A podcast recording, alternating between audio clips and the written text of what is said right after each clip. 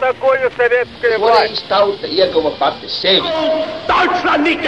Liktenīgas nejaušības un slēptas likumsakarības, subjektīvas patiesības un objektīvi aizspriedumi.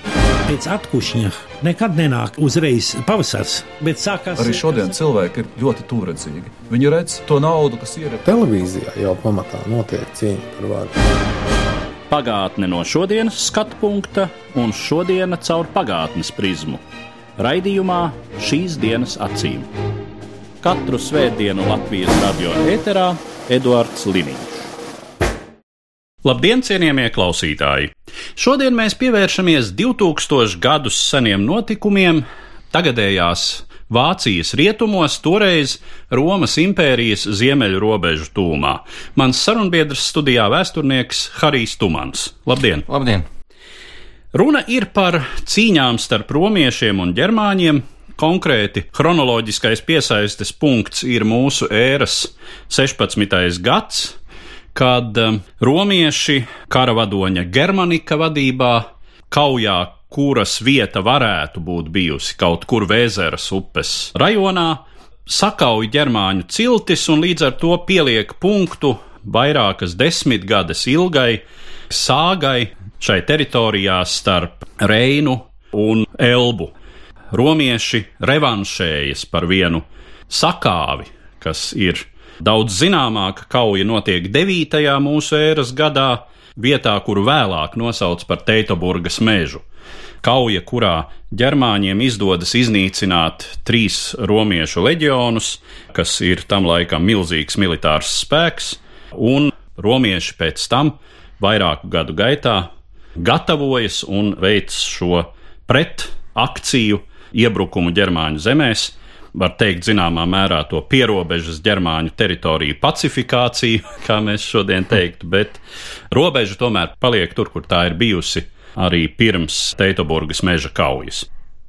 Tātad ģermāņu zemes līdz ar to paliek ārpus Romas impērijas teritorijas. Mēs varētu sākt ar to, kas šajā brīdī ir Romas impērija. Kādā savas attīstības posmā tā atrodas, tātad ap Kristus dzimšanas laiku. Var teikt, ka Romas impērijā tagad atrodas savā attīstības kulminācijas punktā, proti, gandrīz maksimāli izplatosies, lai gan vēl vēlāk bija teritoriāli vēl paplašinājumi, bet tas spožākais laiks ir tagad ir iestājies, ko iedibinājis imperators Augusts, Oktāvians, kas jau kļūst par imperatoru, kļūst par Augustu, tas ir par sveitīgo, par dievišķo, lai gan viņu kā dievu vēl nepielūdza, bet tā tradīcija drīz vien arī sākās. Pēc nāvis jau viņš bija dievišķots, lai gan jau arī dzīves laikā jau kaut kur godināja viņa ģēniju, tātad tātad sargātāji, un bija teiciens izplaties divus augustus, tā kā tas ceļš bija iesācis. Bet pirmkārt šeit jāsaprot, ko nozīmē vārds impērija. Ar šo vārdu mēs apzīmējam parasti divas lietas. Proti, pirmkārt, Tā ir milzīga teritoriāla valsts, kas iekļaus sevi vardarbīgi un brīvprātīgi citas tautas un kultūras un agrāk neatkarīgas kaut kādas politiskas vienības.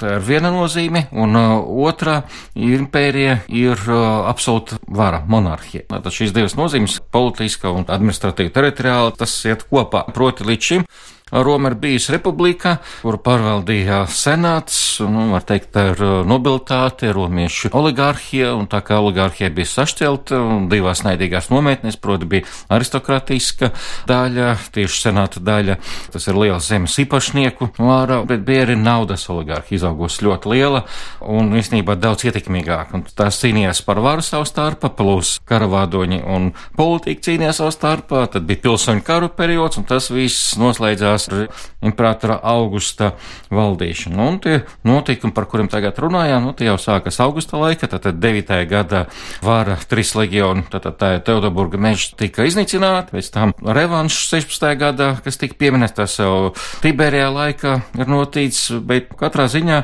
tas ir laiks, kad veidojas šī jauna politiskā sistēma, ko mēs saucam par principātu. Principāts šeit starpcīt nav nekā principiāla. Dažreiz studenti bieži vien savas atbildēs man saka, principiāts. Es šausmīgi palieku dusmīgs uz tādu vārdu, jo saka, te nav nekā principiāla. Principāts no vārda princips. Princips ir pirmais pilsonis.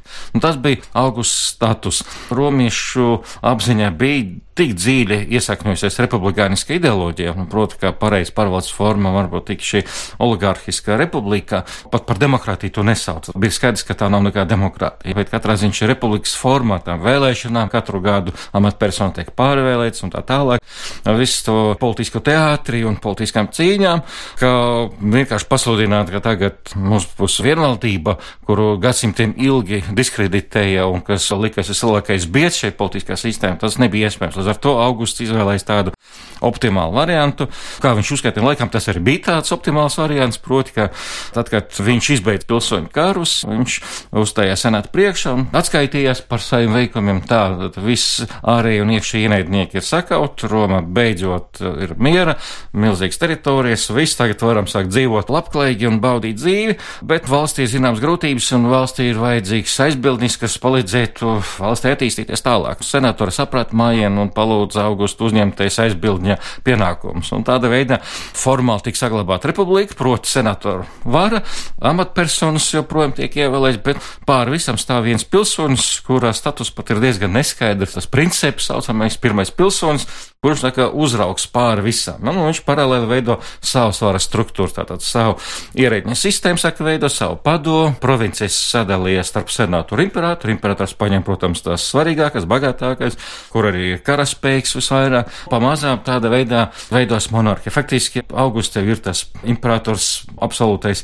vienvaldnieks, kurš gan čakli spēlē demokrātisko teātri, un tas teātris tiek spēlēts vēl arī pēc viņa, vēl vairāk imperatori bija spiest gan rēķināties ar senātu, gan ievērot citas demokrātiskās procedūras, bet arvien vairāk koncentrējuši varu savās rokās. Tātad tas ir politiski, bet arī ir tā, ka Romas impērija izplatās ļoti plaši, un te mēs nonākam pie jautājuma ar ģermāņiem, tad ziemeļa robeža, tā problemātiska robeža, kur dzīvoja diezgan mežonīgi ģermāņi. Nu, tā kā romieši jau kopš Cezara laika bija nonākuši cieša saskarsmē ar viņiem, kā zināms, Cezars ir bijis jau pāri Reinai, būvējis tiltu un karojas ar ģermāņiem un ļoti sekmīgi karojis, lai gan viņš pats aprakstās savās piezīmēs, ka sākotnēji viņam nācās pamatīgi piestrādāt, lai savus karavīrus iedvesmot šeit cīņā, tādēļ, ka ģermaņi bija tik briesmīgi, mežonīgi, tik karavīgi un spēcīgi, ka pat romiešu legionāriem bija bail sākotnēji ar viņiem karot. Un tad Cēsarām nācās kaut kā viņus iedvesmot un pārliecināt, ka nekā briesmīgi tur nav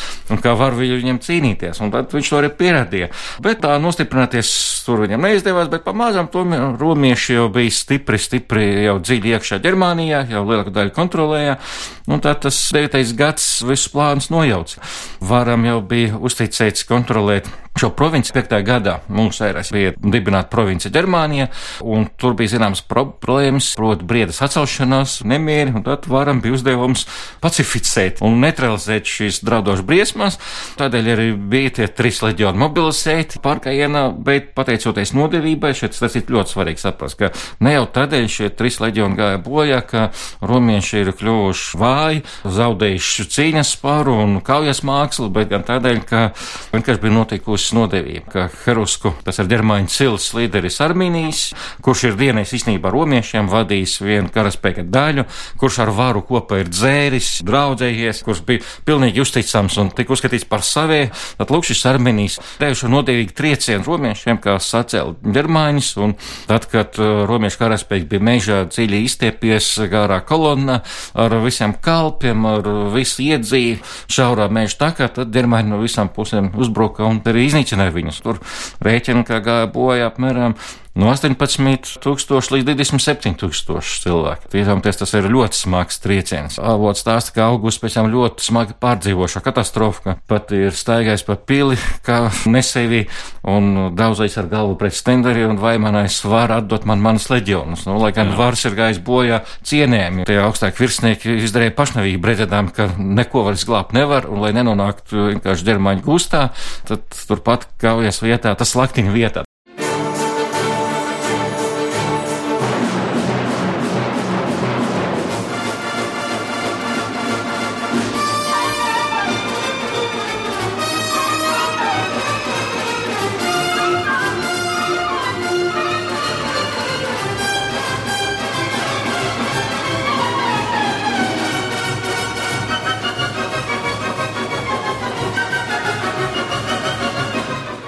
Pirmā gadsimta romiešu vēsturnieks Marks Valējs Paterkuls savā Romas vēsturē par Publija Kvintīlija vāra vadīto romiešu sagrāvi Ģermānijā rakstīja.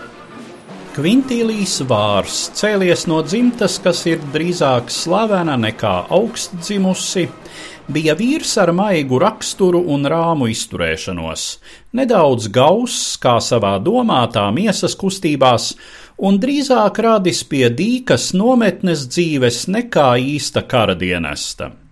Ka viņš nebūtu neniecināja naudu, rāda viņa pārvaldības laiks Sīrijā. Kā nabaks vīrs viņš ieradās bagātā provincē, bet kā bagātnieks pameta provinci, kas bija nonākusi trūkumā iecelts par Ģermānijas armijas komandieri, viņš loloja domu, ka ģermāņi ir vīri vien ar rumpi un balsi, un ka tos, kurus neizdosies pakļaut ar zobenu, varēs padarīt rāmus ar likumu. Ar šo nolūku prātā viņš ieradās pašā Ģermānijas viducī tā, it kā būtu nācis pie ļaudīm, kuri labprāt bauda miera svētību, un sēdēdams savā tribunālā, izšķieda visu vasaras kampaņas laiku, spriedams tiesu un pārraudzīdams tiesvedības gaitas sīkumus.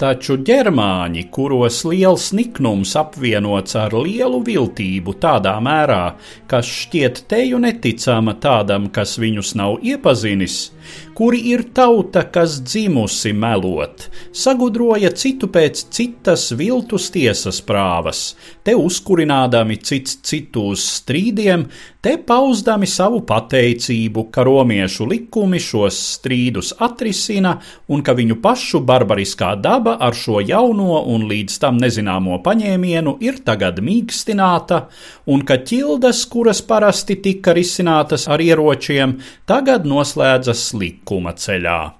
Tā viņa noveda Kvintīliju tik pilnīgā nevērībā, ka viņš sevi sāka uzlūkot kā pilsētas pretoru, kurš fórumā spriež tiesu, nevis armijas vadoni pašā Ģermānijas viducī. Tā nu uzrādās kāds jauneklis no augstas kārtas, drosmīgs un izmanīgs, ar prāta spējām, kas krietni pārspēja vidusmēra barbaru. Tas bija Armīnijas, tās tautas vadoņa Zigimēra dēls, un viņa vaipstos un skatienā atspoguļojās iekšienē kvēlojošā domas uguns.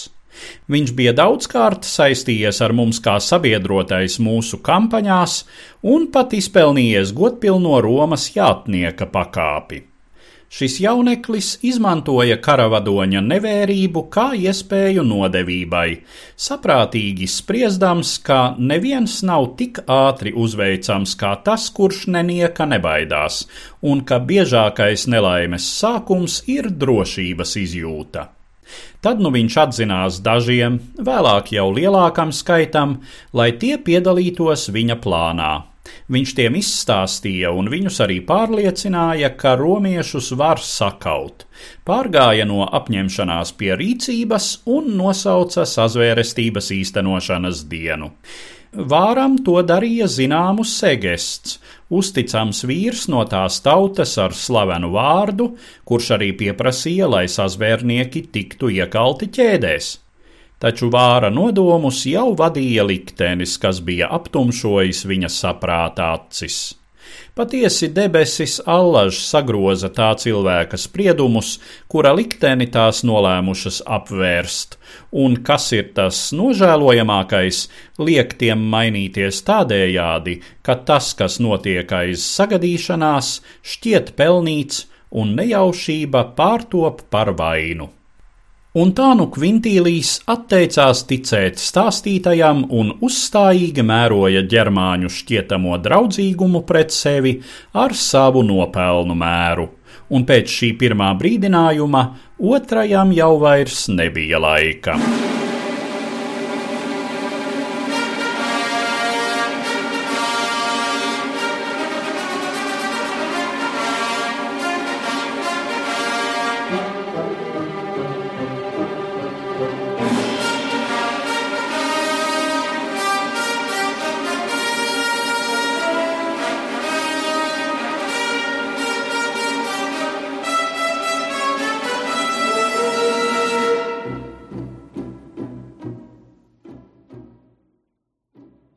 Sīkāk aprakstīt šo postošo sagrāvi, smagāko kādu romiešiem bija nācies piedzīvot ienaidnieka zemē kopš krasa sakāves partā, es papūlēšos kādā plašākā darbā. Šeit varu vien paust nožēlu par visu šo nelaimi. Armija, kas bija nepārspēta drosmē, pirmā starp Romas armijām disciplīnas, cīņas spara, kaujas lauka pieredzes ziņā, Tās vadoņa nevērības, ienaidnieku nodevības un likteņa nelabvēlības dēļ tika ielēgta, un kareiviem nebija to iespēju, kuras viņi kāroja, cīnīties vai arī izlausties brīvībā, kā vien kaujoties pret lielu pārspēku. Nē, Daži tika pat smagi sodīti par ķeršanos pie ieročiem, tādējādi izrādot savu romiešu gāru. Iedzītu starp mežiem, purviem un ienaidnieka slēpņiem, šo armiju teju līdz pēdējam vīram iznīcināja ienaidnieki, kurus pašus romieši agrāk allaž bija slaktējuši kā lopus, kuru dzīvība un nāve bija atkarīga vien no romiešu dusmām vai žēlastības. Armijas vadonim izrādījās vairāk drosmes nomirt nekā cīnīties, tāpēc, sekodams sava tēva un vectēva piemēram, viņš caurdūra sevi ar paša zobenu. No diviem karaspēka prefektiem viens, Lūcijas Egijs, bija tikpat cēlas rīcības paraugs, kamēr Kejonijs rīkojās zemiski, kad pēc tam, kad armijas lielākā daļa bija gājusi bojā, lika priekšā padoties uzskatot par labāku mirt ienaidnieka nomocītam nekā kaujā. Vāla Numonijs, vāra vietnieks, visu dzīvi līdz tam bijis laipns un godājams vīrs, arī rādīja baisu piemēru, jo atstāja kainiekus bez jātnieku atbalsta un mēģināja izmukt ar savām jātnieku nodaļām un sasniegt reinu bet liktenis atrieba šo rīcību, jo viņš nepārdzīvoja tos, kurus bija pametis, un šajā bēgšanas mēģinājumā zaudēja dzīvību. Vāra ķermeni, daļēji sadedzinātu, ienaidnieki savā barbarismā sacirta gabalos, viņa galvu nocirta un nogādāja Marobodam, kurš to nosūtīja imperatoram, un neskatoties uz sagrāvi, kurā vārs bija vainojams, viņa galvu ar godu apglabāja dzimtas kapenēs.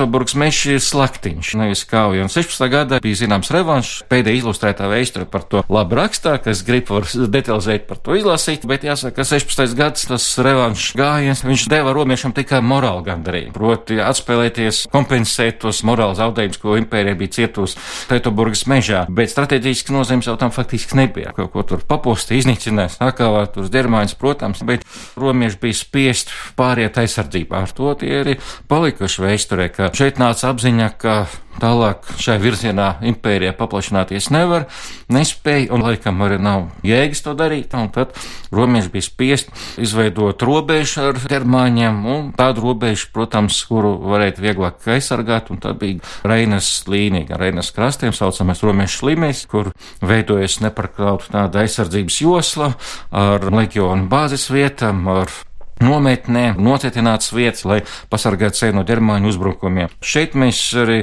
redzam, ka impērija sasniegusi savu kulminācijas brīdi un atdosies pret dabisku robežu kuru tās nespēja šķērsot. Tad tas arī ļauj mums runāt par to, ka impērija tiešām ir savā kulminācijas augstākajā punktā. Šeit ir stop. Tālāk vairs nevar. Stāstīt līdzīga situācija pie austrumos ar partu, tur, kur vēl pirms augusta krasa karaspēks ir gājis bojā. Un tur romieši arī gar divupi bija spiest nolikt robežas ar partu. Tas ir Irāņu valsts, ja Irāņu ciltīs. Tur bija līdzīga situācija. Roma austrumos nespēja iet tālāk un noturēt Irānu un ir spiest pāriet aizsardzībā. Un šeit Eiropā līdzīga situācija. Tad Reina ir tā aizsardzības līnija.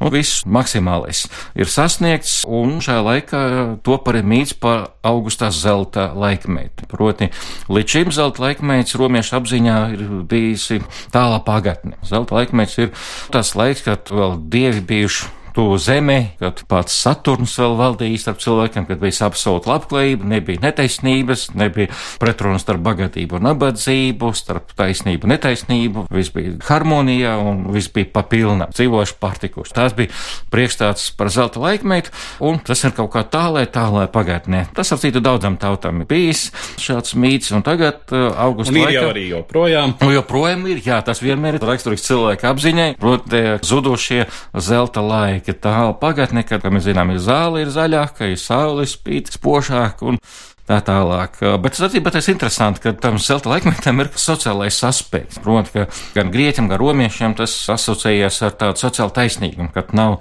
bagātības, nabadzības, bet labklājība un vienlīdzība. Tā ir harmonija. Un interesanti, ka tagad augusta laikā šis mīts iegūst jaunu interpretāciju, tiek pasludināts, ka jaunais zelta laikmets ir atnests. Tātad rekur augusts, imperators, impērija milzīga, impērija labklājīga, beidzot valda miers, labklājība, stabilitāte, beidzot ir kārtība.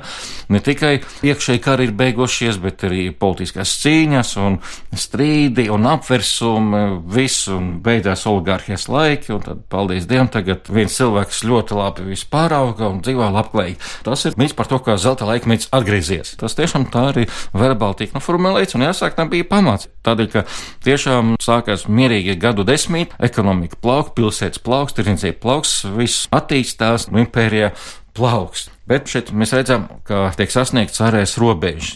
Faktiski tas ir jautājums par civilizāciju un barbarismu un barbaru perifēriju. Vienmēr katra civilizācija saduras ar šādu problēmu. Šeit mēs varam izdalīt trīs attīstības stadijas, trīs fāzes. Sākotnēji, tad ir tikai barbarisms, mežonība, tad rodas civilizācija, tāds centrs izaug, paplašinās un paplašinās, protams, uz barbarisma rēķina. Tā civilizācija spiež uz barbariem, atspiež tos, kur tālāk. Tas ir pirmā stadija. Otrā stadija ir līdzsvars, stabilitāte, kad tiek nospraustas robežas starp civilizāciju un barbariem. Kad civilizācija sasniegusi savu maksimumu, kur tālāk izplēsties vairs nevar, nosprauž robežas un tāds līdzsvars iestājas kādu laiku. Nu, un trešā stadija ir barbara revanša. Barbari spiež uz civilizāciju un sāk civilizēties sarūkt, līdz beidzot barbari to arī aprok. Romas impērija tas nav vienīgais gadījums. Vēsturē jau tādu piemēru vairāk, bet Romas impērijas piemērs mums tuvāks, labāk pazīstams un ļoti spilgti uzrāda. Ja mēs runājam tagad par šiem notikumiem Ģermānijā, tad mēs redzam, ka mēs esam šajā otrajā stadijā. Ka šis divas kaujas, tad 9. 16. gads iezīmē to, ka impērija apstājās. Tad tiek panākts kaut kāds līdzsvars, tiek nolikts robežas un stāvam. Bet no otras puses tam arī ir racionāls pamatojums. Ja tā padomā, ko tad romieši tajos mežos bija zaudējuši? Ko tur meklēt? Kāds tur labums? Tur tikai meži, purvi un mežoņi. Tas ir tiešām reāls stāvoklis. Meži bija arī citās vietās, vēl Eiropā nebija izcirsta tā kā šodien. Tur vēl dabas bija diezgan daudz, tā kā mežu dēļ jau to ģermani nevajadzētu. Nu, tas, ka romieši tur bija, tas pats par sevi ir tā netīšām, var teikt, sanāts, ka viņi bija spiesti iet ģermānijā ne jau tādēļ, ka gribēja tos mežus iekarot, bet tādēļ, ka viņiem vajadzēja nodrošināt savas pozīcijas. Jo Eiropā jau romieši saka izplēsties vispirms Gallijā, Francijas teritorijā, Cēzars ar saviem slaveniem kariem, un viņš jau saduros ar to problēmu, ka Galliem periodiski uzbruk ģermāņi. No tās Reinas puses periodiski uzbruk, un viņam bija jāsarga tie galli, kuri jau nonākuši atkarībā no Romas. Viņam bija jārisina šis uzdevums, un arī turpmāk romiešiem bija savas teritorijas jāsargā. Un ar to labākais aizsardzības veids, protams, ir uzbrukums. Un tad iet tālāk, un pēc iespējas tālāk grib tos ģermāņus atsviest tālāk no Reinas. Kādu laiku tas izdevās, man pēc tam bija spiests saprast, ka ne, tālāk vairs neiet. Bet tiešām tur nekāda materiāla labuma nebija. Tātad tas bija tīri ģeopolitisks aprēķins, ka vajag pēc iespējas šo problēmu tālāk prom dabūt no mūsu robežām, lai ģermāņi mums neapbrauktu, lai sargātu mūsu civilizētu teritoriju. Un vēl gods, jā, protams, impērijas gods. Un šeit vispār jāsaprot, kādēļ tik atšķirīgi likteņi ir, teiksim, tiem galiem un ģermāņiem. Redziet, ar Galiju nekāda problēma romiešiem nebija. Līdz zināmam laikam Cēzars veiksmīgi tika galā ar galiem. Sākumā jau, protams, nekādas integrācijas vēl nebija, bet ar laiku tas viss ļoti sekmīgi gāja, bet to mēs varam saprast, ja mēs palasam tās pašas Cēzara piezīmes. Sestajā grāmatā viņš tā ļoti labi salīdzina galus un ģermāņus. Un var labi redzēt, ka gali ir daudz civilizētāki. Gali ir daudz tuvāk romieši. Viņi ir vietsēži, viņiem zemkopība, viņiem ir naudas attiecības par tā ir diezgan attīstīta kultūra. Viņiem ir pat augļošana. Jo Cēzars raksta, ka tirzniecība tur mūsu tirgotāji piegādā dažādas preces, rada jaunas vajadzības, patēriņš, nu, pavisam cits dzīves līmenis. Un arī sociāla stratifikācija. Cēzars stāsta par trīs sociālām kārtām - druīdi, atnieki un parasta tauta, tur ir vergi. Un tā ir diezgan attīstīta sabiedrība, kuru līdz ar to viegli Romēri pakļāvās. Savukārt ģermāņi ir tiešām absolūti mežoņi, tā ka viņš apraksta īstenībā arheoloģija jau daļēji netieši veidā, bet apstiprina to Cēzara ainu, ko arheologi atrod Galijā, ko Ģermānijā tas, protams, krāsa atšķirās. Ģermāņi, kā Cēzars raksta, pārtiek no gaļas, piena, siera, tātad lopkopja.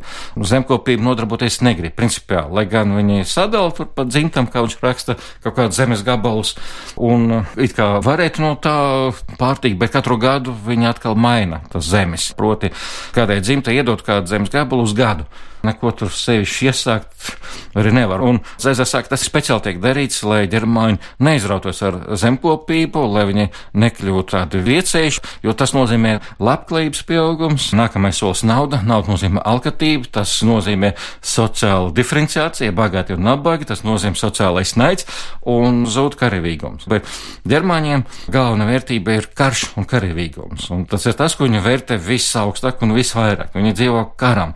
Un zemkopis nicina, ka tie ir vienkārši tie, kas strādā, tie, kas nav karavīri. Apmēram tāda attieksme. Un, un viņam tāda goda pazīme bija, ka jo vairāk izpostīt zemes apkārt, ka dermaņa ciltī, jo lielāks dots šai ciltī. Tas nozīmē, ka iznīcina kaimiņus apkārt, ka kaimiņi ir izpostīti visapkārt. Un tas ir normāls vīriešu dzīvesveids. Tas ir karš, medībā, laupīšana un, un regulāri viņa dodas šajās sirojumos, un jaunieši tiek, protams, saucināti karam ļoti spartīski. Tas interesanti ir pazīme, ka seksuālas attiecības līdz 20 gadu vecumam skaitās apkaunojušas, ka tas nedrīkst būt, un jo vēlāk, jo labāk, ka tas vīriešu spēku saglabā. Un, protams, tur ir nabadzība, naudas viņa nepazīst, alkatības viņam nav. Kā arheologi liecina, tā bilde nav tik vienkārši kā Cēzars raksts. Jā, arheologi saka, tomēr dienvidos ka nauda bija, attiecības bija ne tādas gluži kā Cēzars aprakst, bet principā tā aina vairāk vai mazāk atbilst realitāti. Nu, bet saprotiet, ja tāds ir pretinieks, kuru Roma cīnās. Ko tad var sagaidīt, ko tad Roma var cerēt?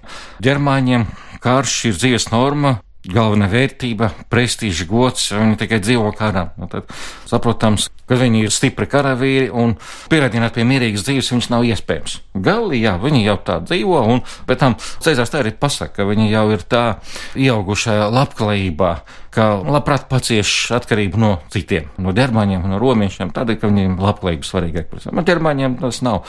Viņi karo. Tad līdz ar to, ja mēs tagad nostādīsim pretī divu šie civilizācija, tad Roma, milzīga grandioza impērija, kas tieši sacītu ļoti līdzīgi mums. Tad nevelti mēs visu laiku atskatāmies uz Romu. Tā ir rietum civilizācijas paradigma, tāds modelis, pāraugs, laicīga vāra, nauda, tehnoloģijas, progress, komforts, varenība, kas izpaužās arī vizuāli. Ja paskatās internetā, tagad parādās, teiksim, romiešu pilsētu rekonstrukcijas, kaut kur austrumos vai vēl kaut kur, tad tas ir vienkārši grandiozi. Bet arī šodien, kad pastaigā pa tam drupām, visu neesmu redzējis, bet vienu otru tādu piemēru esmu labi redzējis austrumos, gan Turcijā, gan Jordānijā.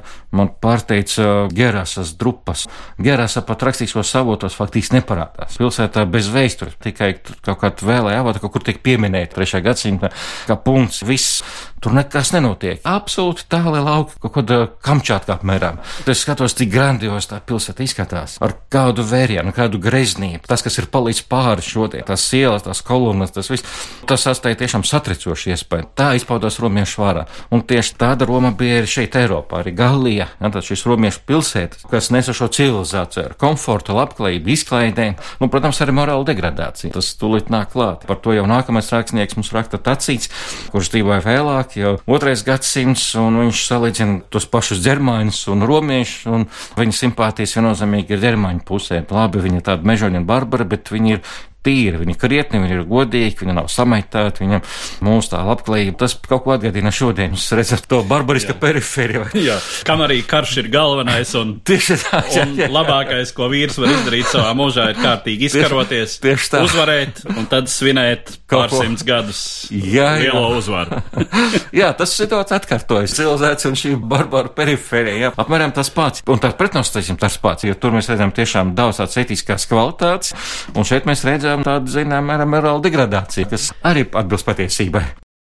Līdz ar to izskan pirmā daļa manai sarunai ar vēsturnieku Hariju Tumanu, kas bija veltīta Romas impērijas un ģermāņu cilšu cīņām pirms 2000 gadiem. Mūsu sarunas noslēgumu klausieties raidījumā šīs dienas acīm nākamsvētdien, 3. jūlijā. Uzredzēšanos! Katru svētdienu Latvijas radio viens par pagātni sarunājas Eduards Līniju.